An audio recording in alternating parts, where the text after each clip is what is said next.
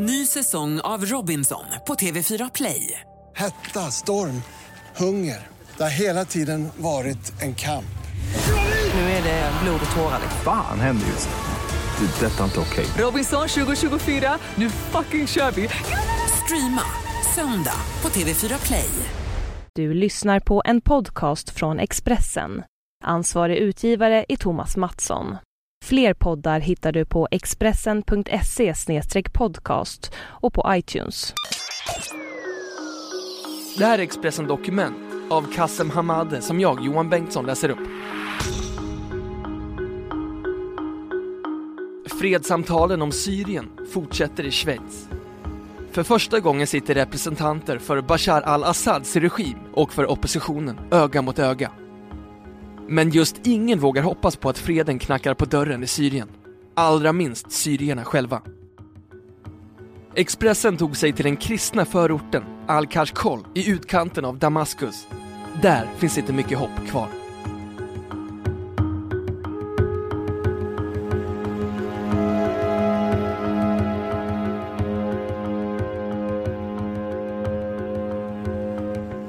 Taxibilen kör sakta in i kvarteret Al-Kashkol, en av Damaskus fattiga kristna förorter.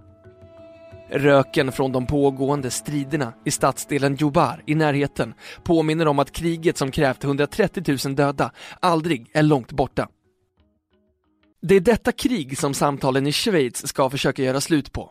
Till att börja med handlar det dock om att försöka hitta en modell för en övergångsregering, en nog så knepig fråga.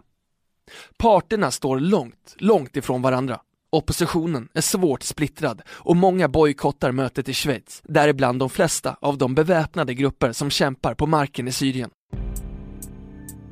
Vägen till förorten Al-Kashkol passerar bland annat förbi förödelsen i utkanten av det belägrade palestinska lägret Al-Yarmouk, där över 150 000 palestinska flyktingar saknar mat, vatten och kontakt med omvärlden.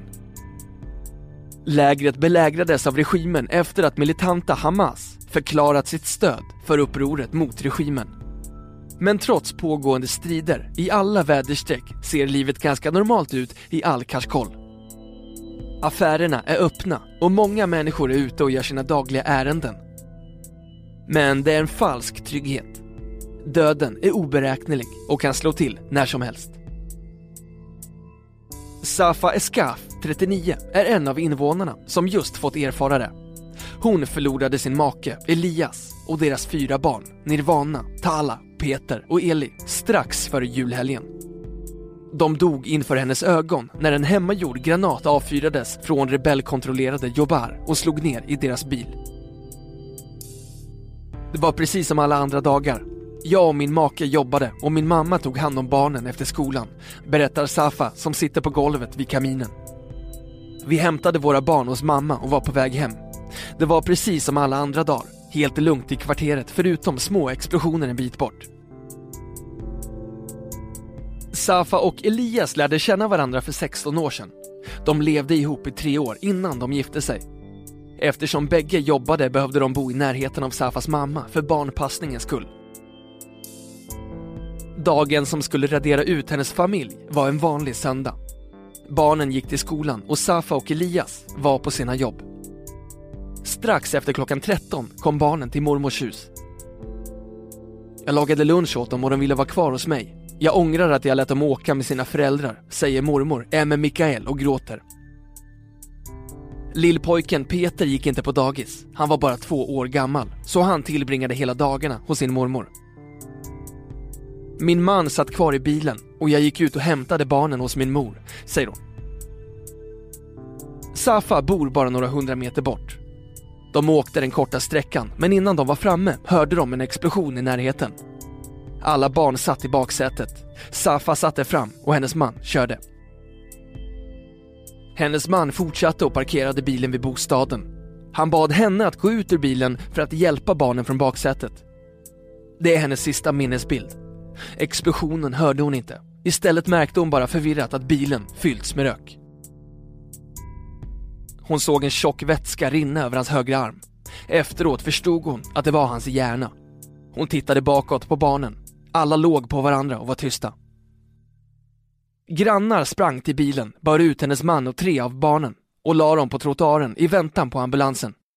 Safa bar själv den minsta, Peter, i sin famn och de kördes av en granne till närmaste sjukhus. Peter levde de första timmarna, men han dog senare på sjukhuset.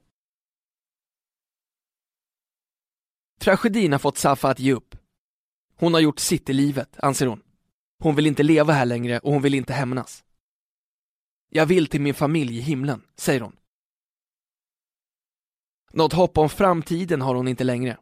Målen tror hon inte på. Vad är det för revolution de pratar om? Revolution skapar en bättre värld. Här dödar de oss. Mina barn hade i sina händer varsitt äpple och smörgåsar från mormor och inte vapen, säger hon. Det skapas nya historier som dessa varje dag i Syrien. Och tre år efter upproret som förvandlades till ett av världens mest brutala inbördeskrig ger många av revolutionens första kämpar upp hoppet. Som Suad. Hon är en ung trebarnsmamma som bor tillsammans med sin mor i ett av Damaskus medelklasskvarter. Hon och hennes två döttrar anslöt sig till fredliga upproret när det startade för knappt tre år sedan. Vi delade ut flygblad, skrev slagord på väggarna och delade ut vatten och blommor till regimens soldater för att få dem att lägga ner sina vapen och ansluta sig till upproret. Hon fängslades och torterades av regimen, men släpptes senare. Det har gått åt helvete. Vi lever i en bottenlös mardröm att regimen ska komma tillbaka, mer råare och brutalare än förr, säger Suad och får medhåll av sin mor som själv är en gammal aktivist. Både regimen och islamisterna vill bli av med aktivisterna, menar Suad. Hon räknar upp fler namn i sin vänskapskrets som blivit gripna av regimen eller kidnappats av islamistiska rebeller. Senast i raden är advokaten Razan Zaitune som kidnappades tillsammans med flera andra medarbetare i stadsdelen Douma som kontrolleras av islamistiska grupper. Suad har precis som många andra aktivister svårt att analysera det som sker i Syrien de tror på konspirationer som aldrig tar slut. De tror att islamistiska rebellgrupper är en produkt av regimen för att kunna förstöra upproret. Hennes mor, som är en gammal oppositionspolitiker, har en klar analys om läget. Fria syriska armén är hjältar som vägrade lyda order av regimen. De hoppade av den reguljära armén och hoppades på internationell hjälp för att ta över makten. Nu är de nästan borta från den politiska kartan Varken islamister eller regimen ville ha moderata krafter i landet. Jag skulle inte bli förvånad om islamister och regimen samarbetar för att bli av med de som vill skapa ett demokratiskt samhälle, säger Suads mamma. Telefonen går varm i den enkla bostaden hos Suad. Många vänner hör av sig. Nu senast ringer en från Tyskland och är förvånad över att Suad är kvar i Syrien. Suad och hennes döttrar har slutat att engagera sig i upproret. De, precis som många andra, försöker utvandra. De står inte ut med kaoset i landet. De har gett upp hoppet om ett maktskifte. Jag ligger sömnlös om nätterna och tänker på var vi har hamnat. Vi hade stora förhoppningar om att störta regimen och få ett normalt fungerande och demokratiskt samhälle. Nu har vi hamnat i en ond cirkel. Valet står mellan två onda ting, regimen eller islamisterna, säger Suad. Det inledande mötet i Schweiz ägde rum i onsdags förra veckan och sen i fredags sitter parterna i förhandlingar i Genève. Det kommer att behövas ett mirakel om det ska gå vägen och sådana har inte Syrien sett på mycket länge.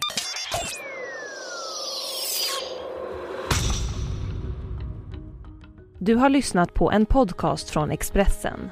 Ansvarig utgivare är Thomas Mattsson. Fler poddar finns på Expressen.se och på iTunes.